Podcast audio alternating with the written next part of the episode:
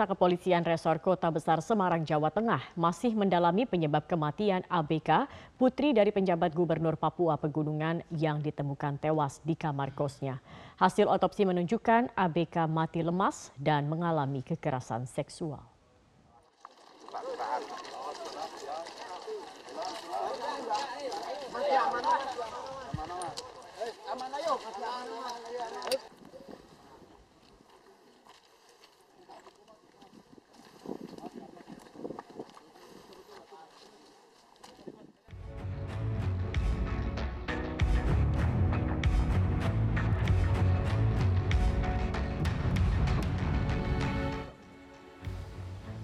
Anak perempuan dari penjabat Gubernur Papua Pegunungan Nikolaus Kondomo berinisial ABK 16 tahun ditemukan tewas di kamar kosnya di Semarang, Jawa Tengah pada Kamis 18 Mei 2023. Polisi menilai kematian ABK tidak wajar karena terdapat luka lecet di tubuh korban dan ditemukan sejumlah botol minuman keras di sekitar jasadnya. Kecurigaan polisi diperkuat dengan hasil autopsi Rumah Sakit Umum Karyadi Semarang yang menyebutkan ABK diduga mati lemas dan mengalami kekerasan seksual. Meski demikian, penyidik masih menunggu pemeriksaan lanjutan dari tim forensik RSUD Dr. Karyadi. Pemeriksaan forensik sudah dilaksanakan. Nah, cuman uh, masih butuh pemeriksaan lanjutan terkait dengan pemeriksaan mikrobiologi, patologi dan toksikologi. Ya, jadi tiga item itu lagi kami masih menunggu waktu dari uh, tim kedokteran untuk memberikan kesimpulan-kesimpulan. Artinya kalau ada pemeriksaan tiga item itu berarti ada indikasi racun di dalam tubuh korban. Uh, itu satu. Uh, kemudian kedua uh, diduga ini juga uh, mati lemas mati lemasnya karena apa itu juga makanya akan ditindaklanjuti dengan pemeriksaan tiga item tadi kemudian uh, dugaannya juga ada kekerasan uh, seks Sejumlah saksi mengatakan ABK pergi bersama teman prianya berinisial AN sebelum ditemukan tewas. Namun keberadaan AN masih dicari. Hingga saat ini, polisi masih menyelidiki penyebab kematian korban. Tim Liputan, Metro TV. Jenazah ABK putri dari penjabat Gubernur Papua Pegunungan Nikolaus Kondomo dimakamkan di tempat pemakaman umum Katolik Desa Jatiharjo, Pulau Kulon, Kabupaten Gerobokan, Jawa Tengah. ABK sebelumnya ditemukan meninggal dunia di kamar kosnya di kota Semarang.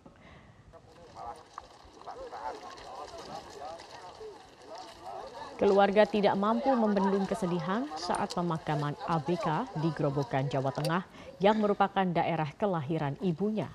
Ratusan orang baik dari keluarga, kerabat, dan teman-teman ABK turut mengantarkan jasad korban ke peristirahatannya yang terakhir.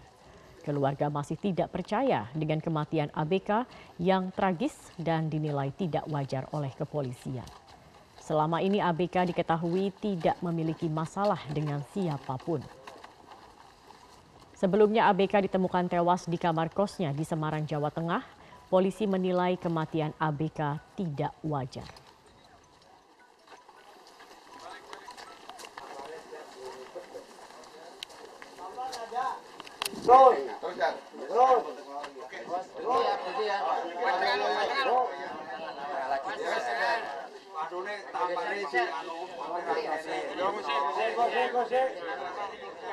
Kita ke informasi lain pemirsa PT Kereta Cepat Indonesia Cina KCIC melaksanakan tahapan hot sliding test di jaringan Overhead Catenary System atau OCS KCJB pada Jumat dan Sabtu hari ini.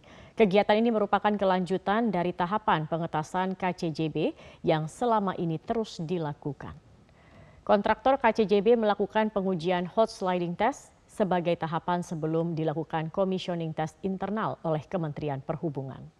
Pengujian dilakukan dengan menjalankan EMU dan CIT route dari depo Tegal Luar, stasiun Tegal Luar Bandung yang rencananya sampai stasiun Halim. Dalam pengetesan hot sliding, OCD dibebani dengan menjalankan EMU atau cheat dalam kecepatan terbatas, yaitu rata-rata 60 km per jam. Seluruh jaringan kelistrikan dites secara seksama agar tahapan tes dapat dilakukan ke tahap selanjutnya, sekaligus melakukan pengujian fungsi subsistem lainnya.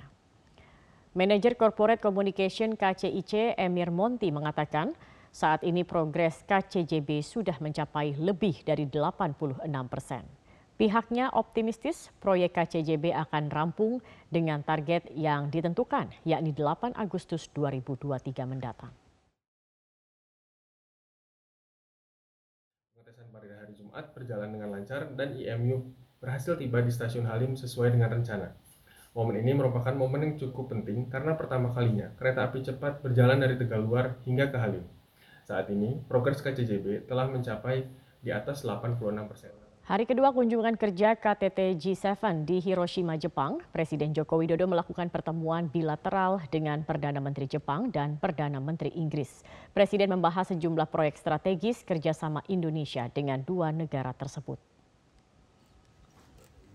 Presiden Joko Widodo melakukan pertemuan bilateral dengan Perdana Menteri Jepang Fumio Kishida dan Perdana Menteri Inggris Rishi Sunak. Dalam pertemuan bilateral dengan Perdana Menteri Jepang, Presiden memastikan peningkatan kemitraan kedua negara secara luas dan konkret, khususnya di bidang ekonomi Indonesia-Japan Economic Partnership Agreement atau IJPA.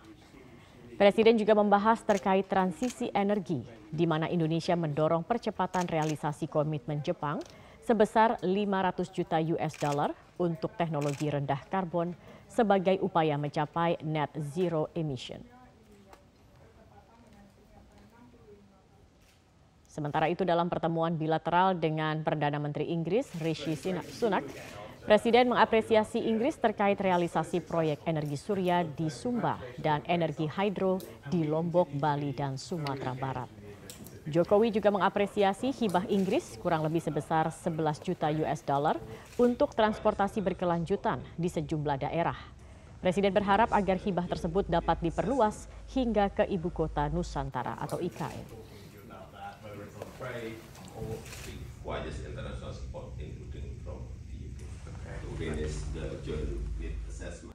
Relawan Gibran dan Jokowi di wilayah Jawa Tengah dan Jawa Timur memutuskan untuk mendukung Ketua Umum Partai Gerindra Prabowo Subianto sebagai calon presiden pada pemilu 2024 mendatang. Prabowo pun mengaku kaget mendapat dukungan dari relawan pendukung keluarga Presiden Jokowi.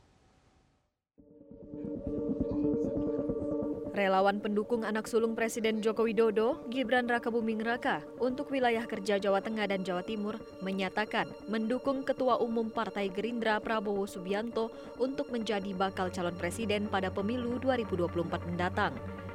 Menanggapi dukungan dari relawan Gibran dan Jokowi tersebut, Prabowo mengaku sempat kaget dan mendapat kehormatan yang besar bagi dirinya. Prabowo menambahkan, dukungan tersebut sekaligus menjadi tantangan untuknya. Iya. Saya, saya didadak ini Kopassus didadak. Mantan Kopassus terdadak. Ya. Tapi tidak menyangka sama sekali Pak ya? Tidak menyangka. Oh, gitu. Pak tadi kan ada 15 relawan. Tadi sempat ada pesan khusus nggak Pak dari relawan untuk jenengan?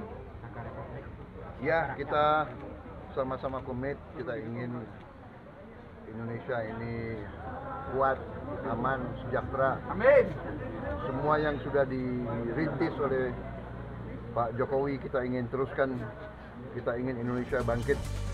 Koordinator Relawan Gibran, Kuat Hermawan menyebut dukungan para relawan karena menilai sosok Prabowo Subianto yang berkomitmen untuk terus melanjutkan seluruh program kerja Presiden Jokowi jika dirinya terpilih menjadi presiden pada Pilpres 2024 mendatang. Pertimbangannya karena komitmen Prabowo kepada Indonesia itu sangat luar biasa dan meneruskan gagasan-gagasan Pak Jokowi ke depannya meneruskan program-program yang hari ini sedang dan sudah di kemarin teman-teman menyampaikan aspirasi ke kami uh, 90% itu ke Prabowo dan kita mengambil sikap untuk dukung Prabowo. Pada saat bersilaturahmi dengan relawan pendukung Gibran Jokowi di Surakarta, Jawa Tengah pada Jumat malam 19 Mei 2023, Prabowo pun mengundang para relawan untuk bisa datang ke kediamannya di Hambalang, Jawa Barat. Relawan Gibran dan Jokowi sejateng dan Jatim resmi mendukung Prabowo Subianto sebagai Capres 2024. Dari Surakarta, Jawa Tengah, Eka Hariwibawa, Metro TV.